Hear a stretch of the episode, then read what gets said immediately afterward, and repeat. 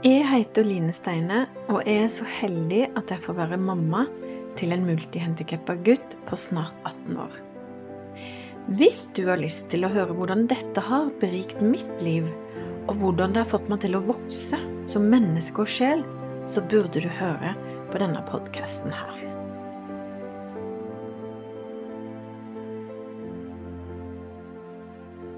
Har du noen gang opplevd en indre konflikt hvor magefølelsen din sier noe, og fornuften sier noe annet? Og så til slutt så blir du usikker, og så blir du irritert på deg sjøl, for hvorfor tenker du sånne tanker? Altså, logikken er jo at eh, det her er jo logisk, det her kan ikke skje, mens magefølelsen din sier jo, kan være noe. Denne episoden skal handle om min indre konflikt og magefølelse versus fornuft. Den første jeg opplevde, var når jeg gikk gravid. Da gikk jeg med en sånn følelse at det var noe som ikke stemte. Altså magefølelsen og intuisjonen sa nei, det er noe galt. Og folk bare Line, hva er sjansen for at det skal være noe galt akkurat med ditt barn? Det blir født mange tusen friske barn i alle kanter av verden. Hvorfor skulle det skje noe med akkurat ditt barn? Nei, jeg vet ikke, men hvorfor skulle det ikke skje noe med akkurat mitt barn? Hvorfor skal jeg være så heldig å få et friskt barn på alle måter? Jeg fikk svar på dette en uke etter fødselen. Eh, fødselen gikk egentlig ganske greit, det var litt hektisk. Um, det blei veldig mye tetterier uten åpning, så heldigvis rakk Tor ned fra fjellet og fikk være med når jeg ble trilt inn på keisersnitt på sykehuset. Det var som å komme inn på sånn i en såpeopera med legefrakker og klassisk musikk og Men det var helt fantastisk. De var utrolig dyktige. Og vips, så var faktisk ungen ute. Jeg husker den, Alle kjenner jo på den redselen. Hva hvis det ikke er godt nok bedøvd? Hva hvis jeg kjenner noe når de kutter i meg? Men det gikk fint. Det neste jeg husker, var at jeg våkna opp i en slags tåke. Jeg husker at det gikk en dame rundt og stelte med meg. Da tror jeg nok jeg la på intensiven. Plutselig så sto svigermor og svigerfar i rommet og med blomster og var kjempelykkelig og kikka ned på den lille gutten. Den lille gutten, ja. Endelig fikk jeg treffe han. Han var helt fantastisk. Så vi hadde nok det vi kaller en komplett lykkefølelse første, de første dagene på sykehuset. Jeg og Tor, vi fikk familierom, vi hadde dobbeltseng, handla i vugge. Tor var ute og kjøpte backgammon, vi satt og spilte, jeg husker fascinasjonen over når melka kom i puppene. Alt var spennende, fint, og det var, ja, det var en kjempegod følelse. Så reiste vi hjem eh, til mine foreldre, hvor vi skulle være et par dager før vi skulle til Hovden. Så kom det tilbake den magefølelsen, at det var noe som ikke stemte. For inni magen så hadde jeg merket at han, hadde my at han hikka mye, og da var det sånn rytmiske bevegelser. Og jeg husker jeg tenkte hm, det er kanskje litt kjappere enn en hikk. Men så forsvant det igjen, ikke sant. Men de, de la der i, i bakhodet, de tankene. Det som da begynte å skje, var at jeg utvikla noe som man kan kalle i dag ammeangst. Kanskje det der ladeangst har kommet ut fra? I don't know. Um, men jeg fikk i hvert fall det. Uh, jeg ville jo være i fred når jeg amma. Skulle være stille rundt meg. Skulle, jeg skulle ikke bli forstyrra. Jeg måtte gjerne ha det varmt, for jeg fryser jo, og jeg måtte si det godt. Så min fantastiske mann fant da en genial løsning, hvor han flytta en tung, gammel lenestol inn på et bad med varmekabler, hvor jeg kunne låse døra, og det, til, det tilfredsstilte alle behova. Men det som da begynte å skje, var at det begynte å skje ting når jeg amma. Han begynte å stirre i blikket, han begynte å riste, han lagde rytmiske bevegelser. Og så til slutt så endte det med at jeg blei veldig redd hver gang jeg skulle legge han til puppen, for jeg var så redd det skulle skje, jeg visste ikke hva dette var. Eh, jeg husker vi hadde besøk hjemme Eh, på kjøkkenet hos mamma av en som heter Elin, som passa oss når vi var små. Hun, er sykepleier i dag. Mamma og Elin var på kjøkkenet og prata, og jeg satt i stua. Og da skjedde det igjen. Eh, jeg bare tok ungen i armene, løp inn på kjøkkenet, så sa jeg er dette normalt, og han la da fremdeles i rytmiske bevegelser. Elin kikker på meg, og så ser jeg på henne dette er ikke normalt. Så sier hun Line, dette er ikke normalt, du må gå ned til legevakta nå. Jeg og Tor kjører ned til legevakta. Jeg husker jeg hylvræler hele veien, for nå tenker jeg at nå dør ungen min. Fikk jeg bare være mamma en uke? Var det alt jeg skulle oppleve av lykkefølelse? Eh, vi kom på legevakta, da hadde han jo ikke de krampene lenger. Vi kommer inn der, jeg husker han sitter i den lille bilstolen, og legen kikker og hører på historien vår, og ikke sant, de tenker vel, ja, foreldre, nybakte foreldre som er litt uh, overbeskyttsomme og litt nervøse og en ny tilværelse, så er man kanskje litt bekymra. Og da skjer det i hvert fall at Jonathan får det igjen. Han begynner å rykke i stolen, legen ser det, og så går det slag i slag, og ballen bare ruller kjempefort. Eh, vi bor da på nyfødtposten i mange uker. Hvor lenge, det husker jeg ikke. Jeg husker vi ligger der, vi blir våkna, han blir lagt i puppen, vi ser i et vindu inn, han ligger i kuvøse. Vi lever i en slags boble, da, inni det her sykehuset. Eh, ja, som sagt, jeg vet ikke hvor lenge. Vi kommer hjem igjen. Vi kjører til Hovden. Og da begynner For å si det sånn, den rosa bobla, den sprekker. Du kan se for deg en sånn eh, en eh, såpeboble som faller ned fra himmelen, og så sprekker den idet den treffer gresset. Og det skjedde. Den sprakk. Og det blei kaldt, og det blei mørkt, og det blei grått og det blei skarpt som glass. Og det blei mange, mange følelser på en gang. Det var, frem, det var ikke den der gode følelsen av bare å surfe gjennom livet lenger. Det blei plutselig veldig alvorlig. Um, så dette var begynnelsen da på mange tusen våkenetter hvor jeg og Tor ligger og ser på gutten vår med lyset på, så å si hele natta. Vi er følsomme for hver lyd, hver rykning. Um, for det som skjedde når han hadde de her eh, krampene, så, så, snørte halsen seg sammen, så han lagde en veldig spesiell lyd, og den sitter vi oss den dag i dag. Um, vi prøvde jo alt mulig, og vi var redde, og vi utvikla jo Jeg utvikla vel dødsangst for at ungen min skulle dø. Konstant var jeg redd for at han kunne dø når som helst. Jeg husker jeg ble litt redd for å, å bli litt for glad i ham. For jeg tenkte at hvis, hvis jeg er for glad i denne lille gutten, så, så, blir det veldig vondt når han dør.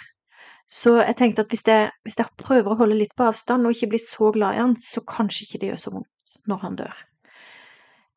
Idiotisk, tenker jeg jo nå i ettertid, men eh, det var en slags forsvarsmekanisme, da. Men heldigvis så hadde ikke Tor, mannen min, det samme, så han tok han inntil brystet, han fikk sove hos han, men jeg ble veldig avhengig av alltid ha noen rundt meg. Jeg ble redd for å være aleine, da, hvis noe skulle skje og jeg var aleine der. Så jeg begynte jo å være på vakt med filming. Hvis noe skjedde, så tok jeg fram videokameraet veldig kjapt. For at hvis han skulle dø og jeg var aleine, så måtte jeg i hvert fall ha det på film. Så ingen trodde at det var noe galt jeg hadde gjort. Så du, du får sånne syke tanker som er vanskelig å forklare, da. Um, vi var jo på sykehuset flere ganger i denne perioden, til og fra, fram og tilbake. Og jeg må jo bare si, alle de flotte sykepleierne vi møtte på det sykehuset i Arendal, de var så fine, de var så nydelige, de møtte oss på det menneskelige plan, forståelse Altså, det var for noen nydelige mennesker. Jeg blir rørt når jeg tenker på dem. Så vi har tusen takk til alle dere. Um, det eneste vi kanskje mangla, var at noen sa hei, har dere lyst til å snakke med en psykolog? Så vi kunne fått litt klarhet i, i frykten vår, da, og alle de tankene som vi hadde. Uh, jeg var så heldig at jeg hadde en god barndomsvenninne som jeg vokste opp med, som heter Katrine. Og hun var så heldig igjen at hun har fått Hun er blitt gift med en utrolig flott mann. Og altså, mora til han mannen, hos svigermor. Hun drev med kinestologi og neurotrening og heter Tor, Toril Osa Michaelsen. Eh, Katrine prata med svigermor. Svigermor sa vi måtte bare komme. vi la på benken Jeg kan ikke tenke Altså, jeg har ikke tall på hvor mange timer hun jobba med meg, min mann. Jobba med meg gjennom Jonathan.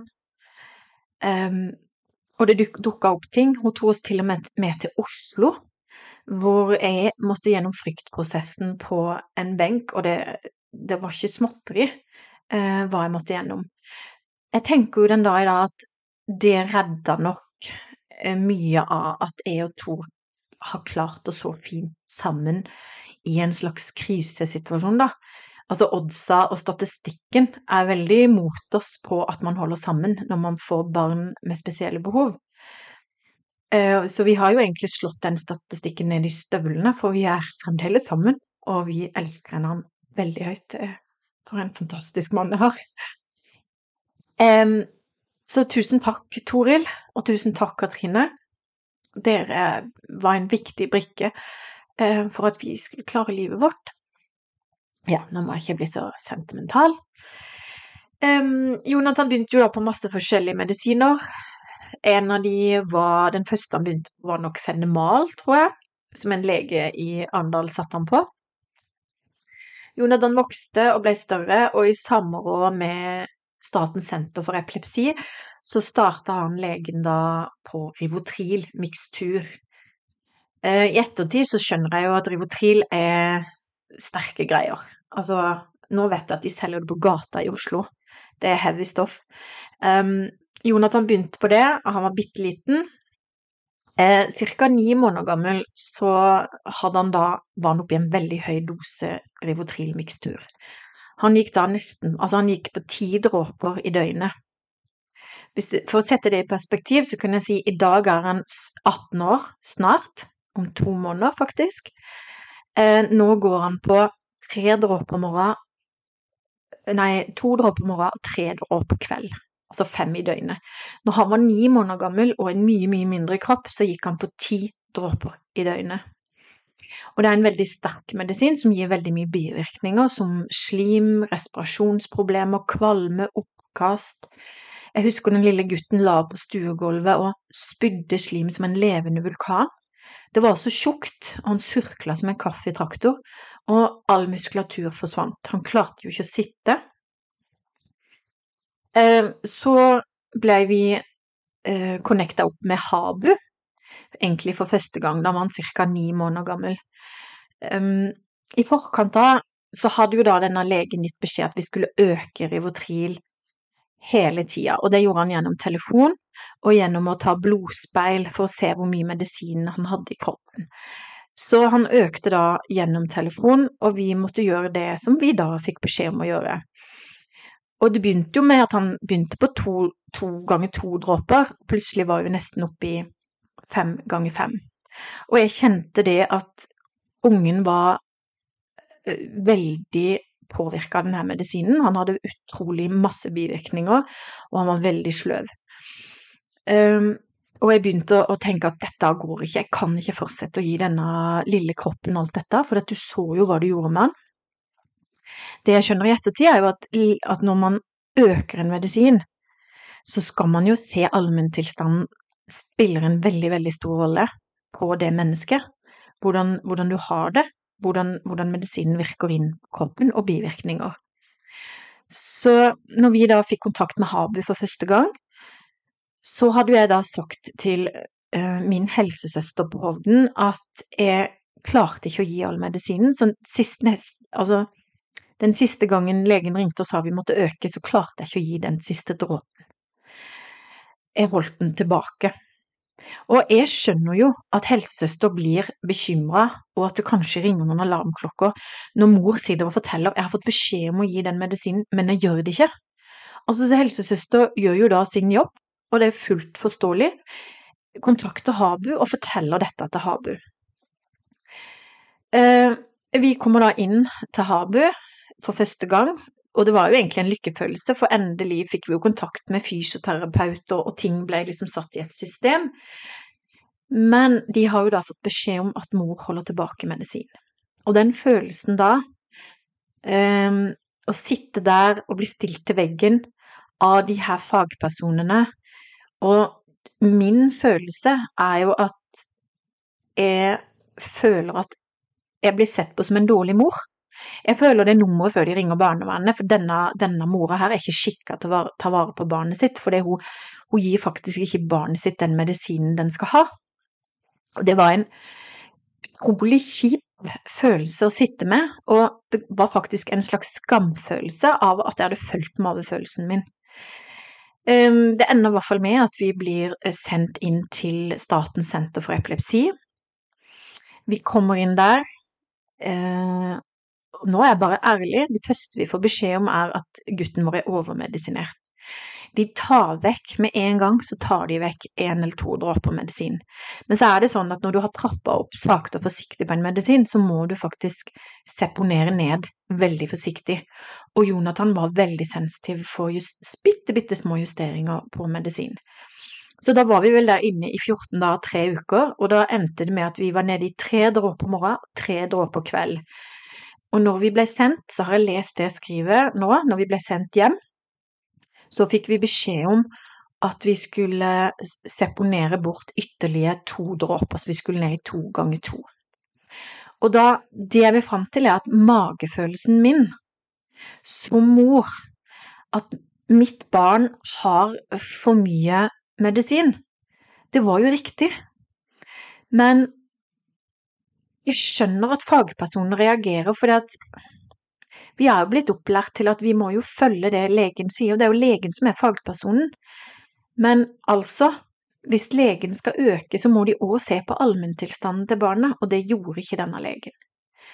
Så det var riktig, jeg var ikke en så dårlig mor, og jeg ble ikke meldt i barnevernet.